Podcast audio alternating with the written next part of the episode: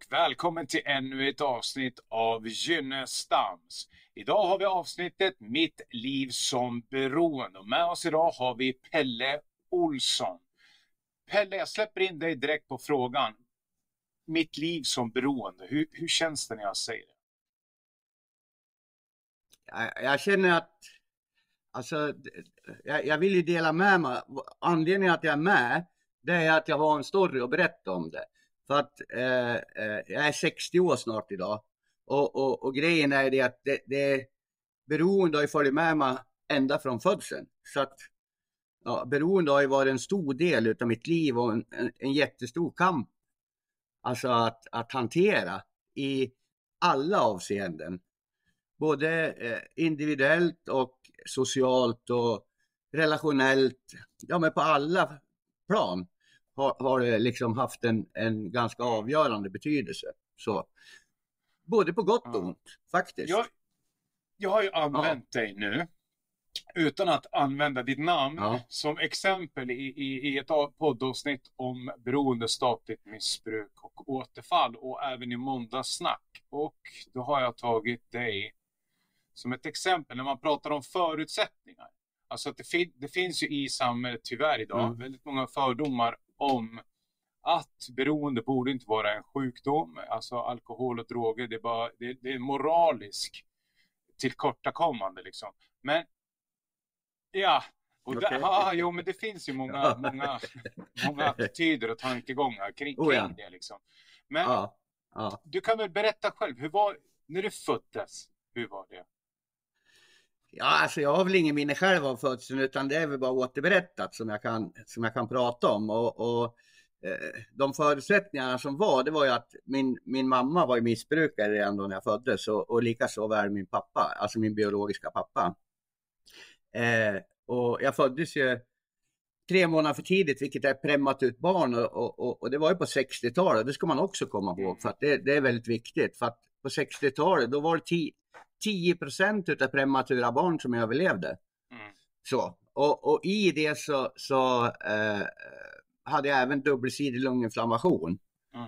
Och, och eh, när jag reflekterar lite över det så faktiskt på den tiden, alltså det är så annorlunda nu sjukvården också, så att förutsättningarna för mig att, att skapa ett liv och, och, överleva var inte de bästa om man säger så. Men om vi utgår ifrån beroende då. Men dubbelsidig lunginflammation var en, en, en sak jag hade. Sen hade jag knarksot som man kallar det. Då. Alltså jag hade eh, en lever eh, och komma som, som, som man direkt kopplar till att mina föräldrar var missbrukare. och sen så hade jag för mycket barbiturater i kroppen så jag låg in på avgiftning. Mm. Men jag låg i en, i en kuvös i, i sex månader. Mm. Och, och den här läkarna, eh, eh, de sa så här att om jag överhuvudtaget skulle överleva så skulle jag få grava hjärnskador, trodde de. Eh, min morfar, det här är ju återberättat, min morfar var väl, var, var väl den enda jag tyckte var eh, eh, han var den enda som tyckte att jag var ett fint barn. Alla andra tyckte att jag, jag var nog fulast på hela BB för jag såg ut som en kråkunge. men, men faktum var att jag, jag, jag började gå och, och springa före en, ett grannbarn som föddes normalfödd samtidigt. Då. Så att jag hade väl en jävla vilja och så, men, men förutsättningarna om man utgår ifrån beroende så, så, så fanns det ju med redan från födseln. Liksom. Mm. Och, och idag kan jag säga, idag är inte det så jävla speciellt, utan det är väl jättemånga barn som föds av missbrukande föräldrar idag. Mm. Eh, men på 60-talet var det faktiskt inte så, utan mm. det var, det, var, det var väl de flesta som hade den bakgrunden som jag har, är väl döda idag. Så är det. Som överlevde alltså den födseln. Ja, jag, jag förstår. Jag förstår. Det är en annan, ja. en annan sjukvård också. Men om vi backar tillbaka lite. Barbiturater i blodet. Ursäkta, nu kanske jag uttryckte det helt fel. Vad, vad är det för de som lyssnar nu? Barbiturater är ju, det är ju en, eh, ett medicinskt narkotika klassat medel. Då. Och, och, min mamma hade väldigt stora mängder utskrivna barbiturater. Idag pratar man mer om benzo än barbiturat. Men går man in och tittar på vad som är mest beroendeframkallande medel så ligger ju faktiskt heroin på topp och sen så är det alkohol och sen kommer barbiturater. Så barbiturat är ett otroligt beroendeframkallande en, en beroendeframkallande substans om man säger mm. så. Så att det hade jag ju bland annat i blodet. Sen, sen så, ja, mamma som missbrukare, hon var ju jätteung liksom. Det är svårt att förstå idag tycker jag. Även fast om jag var yngre själv när jag ja. började. Mm. Så, så, så var, hon var ju bara 16, skulle fylla 17 när hon födde mig. Då. Okay. Ja. ja. Och din pappa, levde de ihop eller hur, hur såg deras liv ut? Nej, Nej eh, eh, min biologiska pappa han eh, var ju missbrukare naturligtvis. Mm. Och, mm. och, och, och, han var väl lite mera eh, sprutnarkoman från början än vad mamma var. Så, så att, men men eh, när jag växte upp och så, så växte jag upp med styv eh, papper och sådana saker och, och, och, visste inte riktigt vilken min farsa var. Så eh, jag fick reda på att min farsa var eh, via ett tv-program, en intervju från, eh, ja, jag vet inte om det var Hall eller Norrtälje eller om det var Kumla, någon av de eh, klass 1-anstalterna. Han satt på anstalt och var, och var ordförande i, i, i förtroenderådet då. Och så intervjuade de honom på nyheterna för att han krävde att de skulle få åka skid. Och, och, och, och, och vid det här tillfället då, då var utgångsförbud utav mamma. Okej, okay. hon hur gammal var du här? Hon, jag var väl, ja, jag kan ha varit 9-10 bast, okay. 11. Ja, ja, någonting där. Ja, ja. Eh, ja, jag var nog 11 lite. Ja, för jag bodde på Brynäs på, på Jarlavägen där. Men då springer hon och är skit påtänd och städar och så här. Och jag sitter och tittar på TV och är bara, åh vad fan, utgångsförbud liksom. och, så, eh, och så är det nyheterna på TVn då. Och, och då är den här intervjun med, med min farsa och, och då kommer hon förbi och ser honom på TVn. Ja. Och då säger hon så här helt spontant utifrån att han är på TVn. Men där är din farsa. Så så fick jag reda på vem som var min biologiska farsa. Vad hände då? Hur kändes det? Nej, alltså jag kan väl inte erinra mig, jag kommer inte ihåg riktigt vad jag kände så, men eh, det dröjde några år innan jag träffade honom för första gången sen. Så är det ju. Ja. Och, och, och det dröjde väldigt många år innan vi skapade en relation. Ja. Så är det. Ja, för han satt väldigt mycket på fängelse under den perioden och så. Okay. För grova narkotikabrott och sådana saker. Men ja. jag tänker så här, nu när du reflekterar i, i, i vuxen ålder, så ja. kände du dig på något sätt annorlunda? Kände du din utanförskap? Upplevde du någon skillnad på dig, alltså som människa eller individ eller vad som? Utifrån dina förutsättningar, alltså utifrån hur det såg ut i din uppväxt, utifrån födseln, utifrån... Nu sprayar jag på lite, lite mycket ja. frågor här för att du ska kunna liksom... Nej, det är lugnt. Ja, nej men... Eh, eh ja, frågan så. Ja, alltså... Eh, jag kände mig inte något annorlunda utifrån eh, så här. Eh, jag jag eh, fick aldrig komma hem till andra barn. Okay. Och så. Utan, utan de flesta barn som, som växte upp tillsammans med mig och så, de var förbjudna att vara tillsammans med mig. Hur kommer det sig? Alltså, ja, föräldrarna dömde ju ut mig utifrån mina föräldrar. Då. Så de var ju kända narkomaner. Aha, så. Okay. Så, att, okay. så att det var väl rädsla. Mm. Och, och, och det fanns ett par familjer och de har jag tagit kontakt med som vuxen och, och, och verkligen liksom Yes, fan ja. alltså, vad kärleksfullt. Ja. Alltså, ja, jättefint. Otroligt vackert finns det. Men, men, nej, men, och det var väl annorlunda. Och sen så, eh, precis den här klassiska saken att, ja men jag pratar väl inte om mina föräldrar. Jag pratar ju inte om hem. Jag pratar ju inte om nu är inte jag uppvuxen med mamma och styvfäderna utan det har ju varit periodvis som jag bott där. Okay. Utan växte jag upp med mormor och morfar. Jag vart ju placerad hos mormor och morfar ja. Omgående efter jag kom ifrån Kuvös då så att ja. säga. Ja. Och, och, eh, och de var ju alkoholister så att det var ju liksom inte det var inte heller en, en, en optimal miljö utan det fanns ju samma problematik, egentligen grundproblematik där. Va? Men alltså, eh, jag kan väl känna att jag har fått grundvärden och sånt där med mig därifrån. Men, och, och på den tiden också så såg man inte alkoholism på samma sätt. Alltså, Nej. alkoholism är alkoholism, men ja. man, gick in, man gick inte in och störde familjer på det sättet. Nej. Om du förstår vad jag menar. Du utan, pratar om socialtjänsten, omhändertagande etc. Yes, ja. yes, yes. Ja, och uppföljningar. Ja, uppföljningar och sådana saker utifrån att jag var placerad. Så liksom, ja.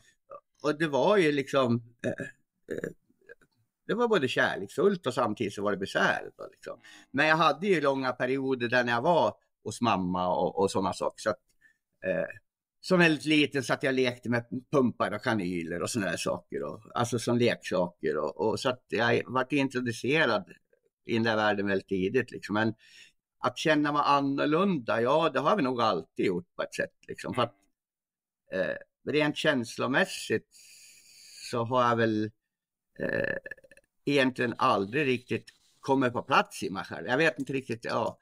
Är det ett svar som...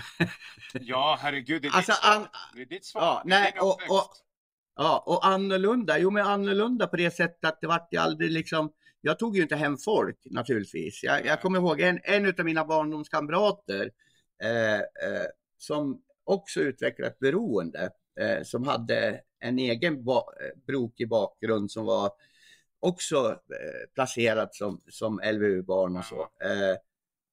Han och jag, alltså första gången jag tog hem honom som vuxen, han är död idag förresten och dog i den här sjukdomen då, men, men som vuxen så har vi pratat liksom och så här och, och, och, och då berättade han för mig att första gången då jag tog hem honom till mina föräldrar, det, det är ett av hans största barndomstrauman. och, och, och, Ja, och, och, och, och det, det kom så utifrån att när jag skulle gå upp till, till morsan och styvfar min då så, så visste jag liksom, eh, jag är tvungen att gå upp och kolla läge. Eh, hur, hur det ser ut här. Ja, innan. innan. Ja, innan. för att ta hem någon överhuvudtaget. Och jag tog ju aldrig hem någon, men, men han, var, han var en jättenära vän och har följt mig hela livet. Liksom så. Ja hur som helst så, så fick han vänta utanför och, och jag springer upp i lägenheten och det är på Brynäs på Hagfordsgatan och, och, och, jag springer upp på, i lägenheten och kollar. Och det är lugnt och ingen hemma där. Och så går jag ner och så hämtar Stefan och så kommer han upp och, och, och då, alltså det han uttryckte som vuxen så säger han det att alltså det trauma han ställer sig inför det, det, det, det, det, det sitter satt hårt i han hela livet så. På grund av att det var blodstänk och det var eh, eh, flaskor och det var pumpar och kanyler och det var ja, men typiskt en knarkarkvart om man säger så. Och, och, och, och för dig var det... För, för var mig var det, nu kan vi gå hem. det är lugnt. Förstår du? Så att referensramarna på vad som var lugnt för mig, det var ett drama för honom. Liksom. Ja. ja. Det finns en, en väldigt känd ja. psykolog, Winnicott, jag har haft honom som exempel yes. förut, och han, han uttrycker som att det igenkända är en trygghet. Yes. Mm. Så att någonstans så tänker jag liksom att, att det här blodstänket på väggarna, att du hade kanyler hemma, att du satt och lekte med dem. Det måste ju ha blivit någon form av liksom trygghet, precis som andra har snuttefilt eller, eller lego eller... Ja, blodstänken vart ju aldrig någon trygghet, utan mamma vart ju misshandlad och det var hemskt mycket våld under perioder. Så. Eh, och, ja. och, och, och, det eh, det har väl varit liksom, eh, det har väl aldrig blivit normativt för mig utan jag har väl alltid känt att eh, och det har också utgjort faktiskt Fredrik, att våld har aldrig varit min grej. Liksom. Jag har alltid backat för våld. Liksom. Precis, det, det, den följdfrågan jag tänkte, tänkte precis ja. komma till här. Att våld kan inte ha varit ett alternativ för dig då. För jag tänker någonstans att när man hamnar i ett missbruk, fortskridande, progressivt, aggressivt missbruk som du hamnar i ja. längre fram. Då är, många tar ju den liksom våldsamma vägen fram i, i, ja. i livet. Vilken väg blev din väg? Alltså, det är många som beskriver det här med, med eh, första gången man hittar drogen och, och, och hittar den där typen av eh, känslomässiga upplevelser där när man hittar hem och sådana saker. Liksom. Eh, jag är en av de som, jag har ingen minne av att jag kände att jag kom hem när jag rökte hash eller jag började sniffa när jag var nio år ungefär sådär. Åtta, nio år började vi sniffa lim och sådana här mm. saker. Och sen så var jag 10-11 då när jag började röka hash då, så. Men jag har ingen minne av att det var liksom någon hemkomst för mig. Även fast om jag jag vet ju naturligtvis att jag fick en positiv upplevelse av det, för annars hade jag aldrig fortsatt med det. Men, men eh, det jag vet och det jag kommer ihåg, det var att eh, eh det som eh, fick mig att känna eh, en, en form av eufori eller sådana saker, det var det fanns ett ställe i Gävle som hette Alexander Lukas eh, när jag växte upp, som var en spelhall eh, en flipper och spelhall, en ganska stor flipper och spelhall. Och där var det hemskt mycket socialt utsatta barn som hängde, barn och ungdomar. Och grejen var den att, att jag, eh, eh, eftersom jag växte upp i missbruksmiljön så här, alltså fick jag ju ganska tidigt kontakter mm med äldre missbrukare. Vilket gjorde att jag också fick tillgången. Ja som väldigt få egentligen hade ja. med, i den åldern som jag var, i alltså före tonåren till och med och in i tonåren. Och just den där, det är det jag minns som, alltså, som gav mig den, om man pratar om kickar och sådana saker. Den största kicken för mig det var att helt plötsligt så var det folk som behövde mig och, och, och som bekräftade mig. Och där när jag blev en som man pratar om på det sättet att ja men Pelle, det hann man ja, så. Och, och, och, och där när jag blev ett, en centrum i en klick utav människor. Liksom. Tillhörighet och gemenskap. Ja, och före mm. det så var det liksom, eh, om man säger skola, uppväxt och sådana saker, så var jag otroligt rastlös. Jag, jag har ju fått ja, diagnos och sådana saker med ADHD, allt, ja, alla sådana där grejer. Men, men, men alltså, och det har jag fått som vuxen. Men, men som barn då så, så liksom eh, eh så hade jag ju svårt att hitta en plats. Liksom. Jag var ju utanför. Om vi går tillbaka till det du pratade om då när jag liksom, ja men vad, upplev, mm. vad, vad kände jag upplevde jag som barn liksom, ifrån det. Mm. Och det var ju ett utanförskap, absolut. Liksom. Ja. Mm. Att jag inte var som de andra.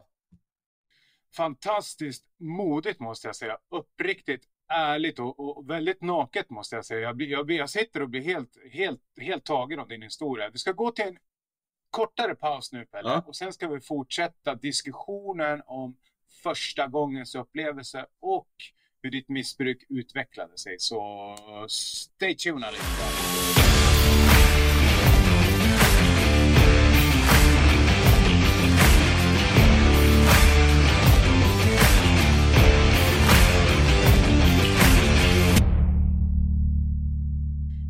Okej okay, allihopa, välkommen tillbaks till avsnittet Mitt liv som beroende med Pelle Olsson. Och Pelle, mm. innan pausen här så var du inne och snudda lite på hur det var första gången du tog, tog någon form av substans. Men vi kom in på mycket det här sociala med tillhörigheten, platsen du fick och utanförskapet blev till en gemenskap och så. Men om vi går tillbaks till första gången du verkligen upplevde att wow, det här är min grej. Droger är min grej. Rus är min grej. Ja. Om du tar det därifrån. Alltså, så här. Eh, du ställde frågan om jag kände eh, hur jag kände som barn och, och, och om det var några sådana effekter. Och det, det, jag, det jag vet och, och, det som hände egentligen, det var väl att väldigt tidigt så hade jag liksom någon önskan om att jag har alltid haft en längtan efter någonting som jag inte riktigt kan... Eh, inom psykosyntesen pratar man om non-being person, vilket som är jättebra beskrivning och sådana saker. Men jag ska inte, jag ska inte gå vidare på det spåret. Men, men just det här med en, en tomhetskänsla, säger andra, vissa, och svart hål och, och nej men en, en, känsla av att jag längtar starkt efter någonting som jag inte riktigt vet vad det är för någonting. Och det där hade jag väldigt tidigt så att jag var det var inte många år första gången jag tänkte på att ta liv av mig faktiskt. Alltså rent tankemässigt. Mm. Och det, alltså den här tankarna gick på att nej men jag vill inte leva längre. Jag orkar liksom. Jag vet inte riktigt vad jag ska ta vägen och vad jag har för plats i livet liksom. Och, och jag kan inte riktigt erinra mig om när jag tog, alltså de första tillfällena och, och när jag började sniffa det här liksom. För att jag har alltid varit en, en, en, en som har gått först i led och fått med mig lite folk och sådär. Liksom. Och, och, jag hade med mig lite folk när vi började sniffa och då när jag började röka hasch och sådana saker. Men den, eh, alltså den upplevelsen av drog som jag minns bäst så, så är det första gången jag tog amfetamin. Okay. Och, och, då var jag 14 år. eh, när jag tog amfetamin första gången. Och, och då fick jag uppdrag av min styvfarsa att, att eh, slänga, eh, eh var 500 sådana här redline-påsar. Eh, mm. som, för de sålde massa amfetamin då. Och, och det var 500 redline-påsar som det var Ja men du vet när man tömmer en påse eh, så, ja. så blir det lite skräp kvar i det och så. Och, och, och de påsarna skulle jag göra mig av med. Eh, det fick jag uppdrag att kasta. Och, men då hade jag kommit så pass långt i, i ja, jag, jag, var ju redan etablerad missbrukare med hasch och sådana saker och sålde och, och, och, grejer. Så jag visste mycket väl. Men vi hade också en sån här äh, grej, de jag umgicks med, att, att den här flower power-vågen, att peace, love and understanding. Vi ska, aldrig, ja. vi ska aldrig ta något kemiskt, vi ska bara ta naturliga droger och sådana saker. Men här, då, då, då, då vart det liksom, nej men fan jag ska prova liksom. Och då gick jag till, jag är uppvuxen i ett höghus i Stixlund i Gävle och, och, och där var det massa missbrukande eh, ungdomar och så. Och det var några som var äldre än mig och det var de jag umgicks med, de som var lite äldre än mig. Så jag gick upp till, till, till på polare där och, och, och visade att jag hade de här påsarna. Och, och då kom vi överens om att vi skulle eh, ta det. Och, och, och, och jag minns så jävla väl att alltså eh, när jag tog amfetaminer då första gången så var det som att Eh, alltså jag kommer ihåg nästan hur jag förlöstes. Alltså från jag pratade oavbrutet i ett dygn tror jag. Och, och du vet, eh, jag har ingen stor kropp, aldrig varit en tränare, men jag lovar, jag gjorde hundra armhävningar rakt av. så att, alltså, det var så jävla starkt. Alltså. Det var en så stark känsla att det var någonting så. Och, och, och det där hookade fast vid. Det var en sån power i, i, i mig själv. Liksom. Men jag har liksom inte de där, det är som jag säger, euforin, det var mest att få tillhöra snarare än upplevelsen av drogen liksom, som många beskriver det. Jag, jag, jag, jag kan inte riktigt komma ihåg den där liksom, euforin. Liksom. Men, men just med amfetaminer där när jag var 14, det, det var en, en upplevelse jag minns väl faktiskt. Mm. Jo, det, jag, jag känner in i bröstkorgen när du beskriver det. Det är ungefär som att vara laddad inför, inför en fight, en ja, boxningsmatch. Ja, ja. Och, och, och, och, och det faktum var att jag, jag, upplevde inte själv att jag var påverkad. För jag visste, jag hade ingen relation till vad, alltså hur en amfetaminpåverkan skulle vara på mig. Men, men eh, reflektionen efteråt, men, alltså just det att, ja men vad fan, jag kommer ihåg, alltså jag kommer ihåg från födseln alltså. Jag pratade oavbrutet i ett dygn liksom. Och, och, och kände en sån styrka i mig så att, ja. Så det, det, det var väl upplevelsen så. Ja. ja jag, förstår, jag förstår vad du menar med förlösning.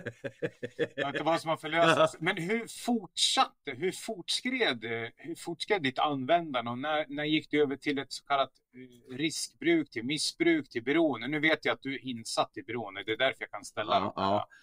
Mer komplexa frågorna om, ja, ja. om riskbruk och missbruk. Ja, nej men alltså, eh, det var ju ett bruk och, och, och, ett användande under, under hela, hela eh, från jag var barn egentligen med sniffning. Alltså just det här med substansstörning som man pratar om idag då, istället för beroende. Det är substansstörningssyndrom som man kallar det idag då. Och, kan du beskriva det för de som lyssnar också? Nu, nu flikar jag in och säger det, för alla är inte insatta. Nej, nej men eh, eh det finns något som heter DSM-5 eller DSM-4 DSM-5 det, och det är ett diagnosinstrument som man använder inom psykiatrin. Och, och, och, och där så, så Eh, har man ju olika, eh, man ska uppfylla vissa kriterier för att det, det, det, det och, och, man har bytt namn ifrån beroende till alltså substansstörning idag. Och, och, och eh, beroende har ju varit liksom lite grann så här så att man, man klassar in i lite olika grupper med alkohol eller eh, barbiturater eller benzo eller kokain eller amfetamin. Men idag så ser man substanser. Då. Och, och, och eh, jag tror ju att det handlar hemskt mycket om eh, belöningscentrat i hjärnan på det sättet. Men, men eh, så att det är bara ett, det är bara en ny benämning om man säger så. Snarare, snarare. så att beroende och substansstörning det är ja. samma sak. Liksom. Men, och varför jag nämner det, det var för att liksom, ja men substanserna, de kom väldigt tidigt och jag hookade fast vid substanser. Liksom. Eh, det hände någonting i min hjärna och det hände någonting med mig som person. Jag orkade, jag, jag hade inte de där tankarna på att ta liv av mig. Eh, hur, hur tragiskt det kan låta att ett barn börjar fundera på att ta liv av sig, så, så, eh, så hjälpte det mig genom dem, liksom, de känslomässiga eh, existentiella frågeställningarna som jag hade till mig själv som jag inte fick svar ifrån någon annan. Liksom. Det du sa i början med att du visste inte vilken plats du hade, den här tomheten som du beskrev. Ja, ja, ja men visst. Och, och det upplever jag fortfarande. Mm. Vilken menar du? Tomheten. Ja. Längtan. Den här enorma eh, känslan av att jag längtar efter någonting som jag inte vet vad det är. Mm. Det är hanterbart idag. Jag vet vad det handlar om och, och, och jag vet att, att eh, alltså när, de, när den upplevelsen dyker in i mig, för den kan, ju, den, den, den, kan dyka upp precis när som helst. Jag kan sitta och köra bil och det är jättevackert väder och jag bara känner, åh gud vilket liv, vad härligt. Ja. Och, så, och så bara infinner det sig där. Liksom, bara, oh! Och det blir en sån kraftig upplevelse i, rent känslomässigt så att närmast att beskriva det, det blir en jättesorg på ett vis. Ja. Liksom. ja. Om man ska beskriva det i ord på det sättet. För det är en känslomässig upplevelse. Jag vet inte riktigt. De som upplever det, de, de äh, äh, fattar grejen. Liksom. Men, men de som inte har den här känslomässiga störningen, om man säger så, äh, de, de kanske inte greppar det riktigt. Och då är det kanske sorg som är det närmaste. Liksom. Mm. Ja. Och den kan dyka upp fortfarande idag, men, men idag så vet jag att eh, impulsen av att vilja få bort den, den, den infinner sig inte på samma sätt. Och, och, som jag sa tidigare så psykosyntesen beskriver det på ett sådant sätt som jag eh, tycker är klockrent, för mig i alla fall. Och man säger det att, att vara i kontakt med den känslan är värre än den fysiska döden. Okay. Vilket innebär att när du väl kommer i kontakt med den där känslan som jag beskriver som en obeskrivlig längtan. Eh, eh, när du kommer i kontakt med den så kommer du göra allt, allt, allt för att slippa känna den känslan. Då använder du yt yttre för att tillfredsställa något inre? Ja, Alltså precis. det är objekt och händelse händer, alltså beroende. Absolut. En patologisk kärlek till objekt eller händelse. Yes, om man citerar Kögnäcken. Ja. Nej, jag gjorde det, jag är missbrukare. Ja, ja, precis. Det är det jag gjorde och jag vet ju att du är insatt. Och men det, du, jag tycker du beskriver det otroligt gripande, otroligt målande och, och du vet, någonstans, jag är helt säker på att alla som lyssnar på det här, de rycks, rycks med liksom.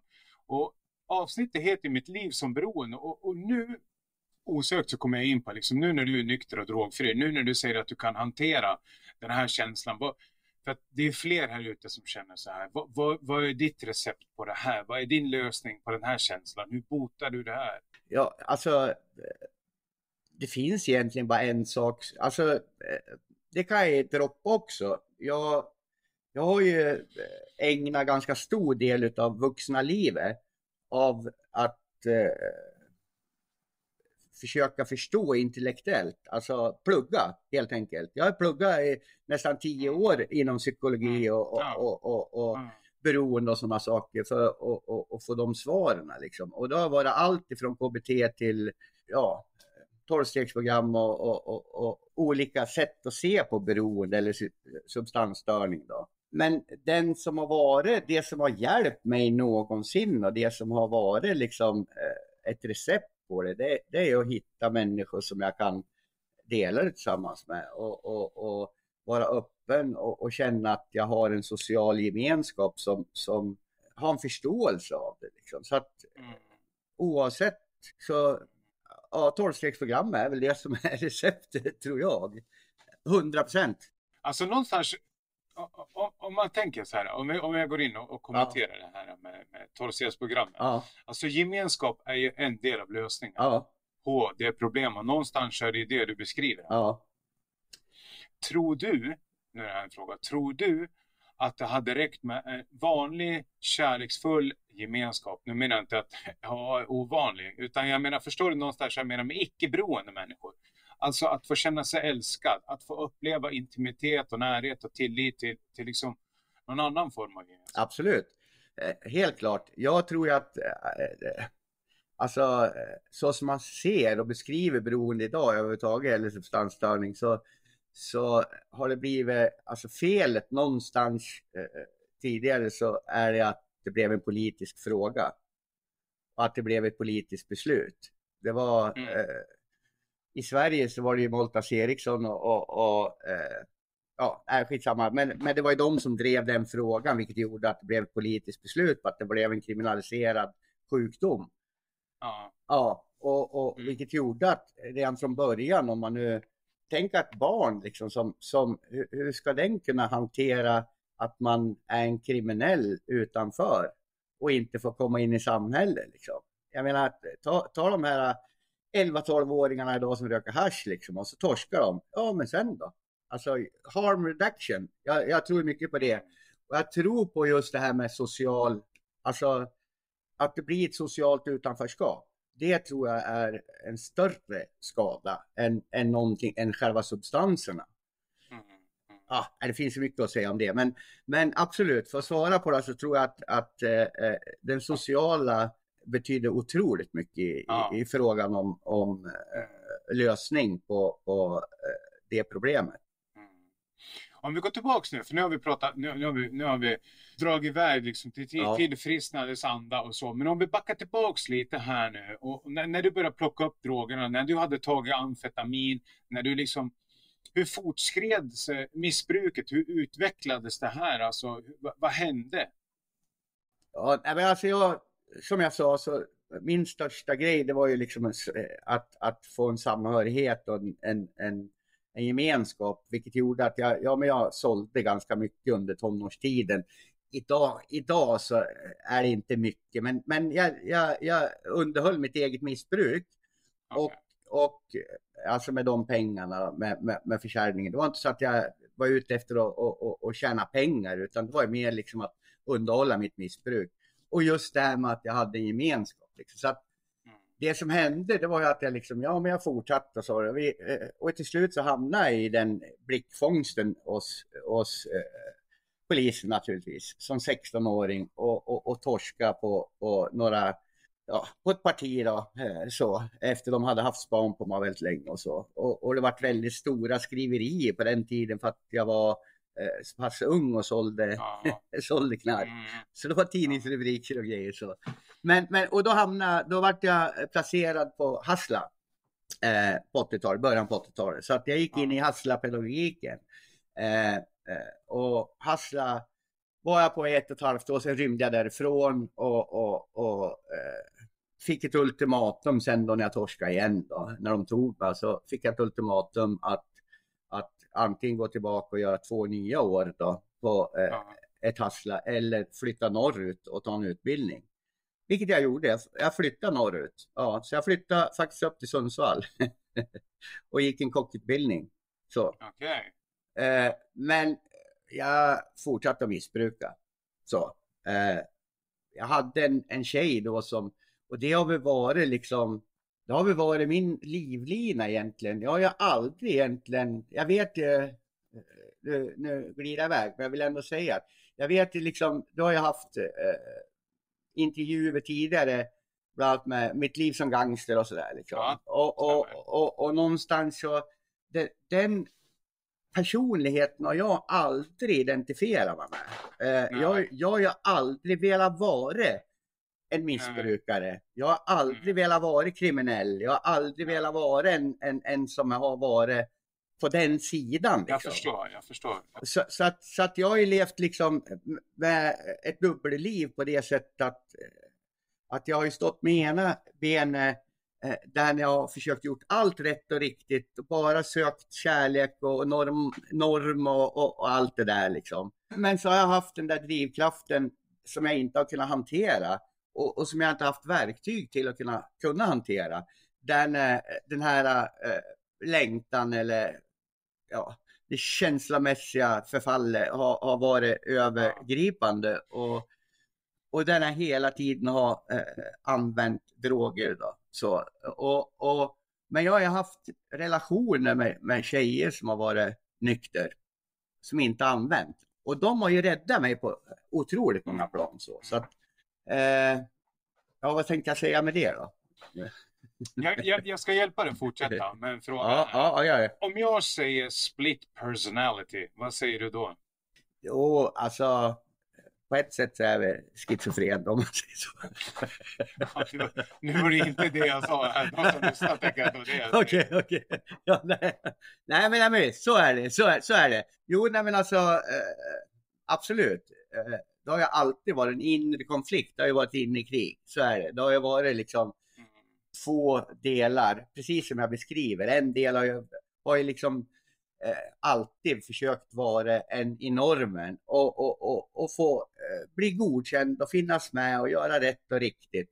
Medan det har funnits en annan del då som har klivit ut och blivit mer eller mindre tvingad och, söka kontakter i helt andra kretsar med helt andra förutsättningar, med helt andra, eh, eh det som man har som norm i de mm. kretsarna. Ja. Och, och, och, och, man måste liksom eh, gå in i den rollen mm. för att överleva. Där det är både våld, kriminalitet, eh, ja allt vad det nu innebär att, mm. att kunna äh, vara missbrukare idag. Liksom, så. så att visst, det blir en, en split person, ja, en, en verklig ja. Delpersonlighet som, ja. Det känns rätt men allting blir så fel. Yes. Mm. Yes. Ja. Alltså jag tycker du verkligen, verkligen har, har beskrivit alltså, mi, mitt liv som beroende. Liksom. För, att, för att någonstans så, så, är det ju så också. Alltså, det är en oerhörd kamp. Det är en oerhörd sorg. Det är ett oerhört utanförskap. Om du skulle summera hela ditt liv och, och, och även berätta lite hur du lever idag. Mm. mm. Alltså uppväxt och sådana saker eh, fram till, jag, jag blev ju nykter först när jag var 35 år. Mm. Eh, eh, och fram till dess så hade jag absolut, jag hade inte kunskap, jag hade inga verktyg och jag visste liksom inget annat än, än att hela tiden gå tillbaka till eh, substansen som någonstans gjorde att jag kände ro. Men, och, och, och det har gjort otroligt många förluster i livet. Liksom. Eh, det, är ju, det är för lever man det livet så, så, så vare sig man vill det eller inte så skadar man människor som är runt omkring en. Och, och, och det värsta som finns, tycker jag, det är att titta in i en människa som man älskar och säga nej, jag har inte knarkat idag. Liksom. Så. Alltså man levererar en lögn till en människa man älskar för att skydda det som man vet att det här kan jag inte. Och jag har ju lämnat människor jag älskar väldigt många gånger just utifrån att jag eh, har accepterat att ja, kapitulera inför drogen. Liksom. Att ja, nej, men det här är mitt liv. Liksom så. Och, och, och, och, det har ju gjort att liksom, ja men någonstans så slår man ju på sig själv så otroligt mycket. Och det gjorde jag väl fram tills jag hittade liksom eh, verktyg då. Så, och, och blev nykter i, i tolvstegsprogrammet. Så. Mm. Före det så fick jag ett barn eh, eh, som, eh, som jag inte är så speciellt stolt över eh, i min papparoll, för jag var aldrig närvarande. Vi separerade ganska tidigt liksom. Så att min första dotter har ju inte fått sin pappa som, som jag önskar liksom så. Utan jag var aktiv under många år under hennes uppväxt då, så att jag var ju frånvarande. Och, och, och, och, det har ju varit tufft. Men sen så när jag blev nykter så har jag fått två barn till. Och, och, och jag var ju nykter under x antal år, eh, ganska många år faktiskt och, och, och, och så. Och där när jag både har jobbat med kriminalvården, jag var anställd på kriminalvården, jag var anställd på socialtjänsten, jag var eh, anställd på några av Sveriges största behandlings, ja, behandlingschefer hit och dit. Och, och, och där jag gjorde man karriär på, på den kunskapen och, och erfarenheten jag har. Så, och där jag hade ett fruktansvärt bra liv faktiskt. Så, eh, eh, men så föll jag tillbaka. så att eh, det har ju varit upp och ner liksom. Men, men den bästa perioden har faktiskt varit under den nyktra perioden. Så. Jag vet inte om jag svarar riktigt på frågan där. Men... Nej, det, alltså, det här avsnittet, ditt, det är ditt avsnitt, ja. Mitt liv som bror. Och du vet, jag hör verkligen det. Jag hör verkligen det. Jag tror att alla jag som, som lyssnar, just det är verkligen två personligheter. Och den här beroende jaget, om man skulle uttrycka det som, som det, ja. kontra jaget, det är så starkt. Alltså det är verkligen starkt. Och jag tänker så här också, i ditt fall, även om inte du har någon upplevelse som födseln, vilket ingen har, liksom, men, men du är ändå född, född i det. Alltså dina förutsättningar i livet har ju varit otroligt mycket svårare än många andra som inte är född i det. Som, som liksom drogat till sig en cellförändring. En cellförändring är ju hur man utvecklar ett beroende. Ja. Så, så, så, i ditt fall så, så kan jag verkligen höra och känna in just den här tomheten och det här utanförskapet och just den här att vilken plats har jag i livet? Liksom. Det, jag tycker det är otroligt starkt av dig att uttrycka och berätta om ditt liv. Ja. Hur känns det nu när du har berättat allt det här? Ja, det känns, det känns som att det, det, finns så mycket mer jag skulle vilja prata om, så är det. Ja. ja. Men när du pratar om förutsättningar och sådana saker, så, så en sak som slår mig, så, så, och det, det, det, det är också lite slående, så där, för, för mig när jag växte upp, så det som var eh, idag så, så och, och, och, nästan för de flesta så, där, så är det ganska normativt att föräldrarna dricker alkohol på helgerna och sådana saker och, ja. och, och, festar och sådana saker. Det är, inget, det är liksom ingen konstighet med det liksom. Eh, när jag växte upp så, så det som var normativt för mig det var att man satt med en spruta i, i armen i princip. Och, och, när jag var 14 bast så fick jag en, en eh, alltså när jag fyllde 14 då fick jag en, en långskaftad digger, det är alltså en pipa, en hash, ja, klassisk haschpipa. Så. Mm. Då fick jag en långskaftad digger med 5 gram hash i själva koppen eh, på pipan. Den stod mitt på tårtan. Det fick jag av min mamma och min styvfar i födelsedagspresent. Och, och, och, och det var inte, det var liksom ifrån deras förmåga och synsätt då så var ju det jättevackert och jättefint. Jag var skitstolt. det var ju kanon. Förstår du? Mm. Men, men äh, det jag vet det var ju liksom att äh, jag vart ju det, det, det, framförallt Pelle då, som var min styvfar indoktrinerade min skalle. Det var ju att alkoholen var den farligaste drogen. Liksom. Så att de ville ju inte att jag skulle dricka alkohol. Alkohol var ju någonting som var mer eller mindre, det, var förenat med att du skulle förlora livet. Så, så att, eh, så att och, och, och därför så, så fick jag hasch. Liksom. Så att det var ju accepterat att jag rökte hasch. Alltså acceptansen runt droger för mig var en normativ del. Medans, medans alkohol var någonting som, nej men håll dig borta från det. Så det var lite tvärtom än, än, än vad de flesta växer upp med. Så förutsättningarna, och om man tittar på det också så, så ja så var det väldigt tidigt som jag fick ett, ett helt annat budskap till mig än vad de kanske flesta får. Då, liksom. ja. ja. Jag tänker så här, biopsykosocial sjukdom. Ja. ja. Du har den biologiska delen, definitivt den sociala delen, definitivt den psykologiska delen också utifrån från det här med tomhet. Så att, verkligen, verkligen, du har verkligen definierat det här avsnittet i mitt liv som beroende. Jag tänker så här, för alla som lyssnar nu. Vad skulle du vilja säga till, till människor? Eller vad, vad hade du velat hört själv?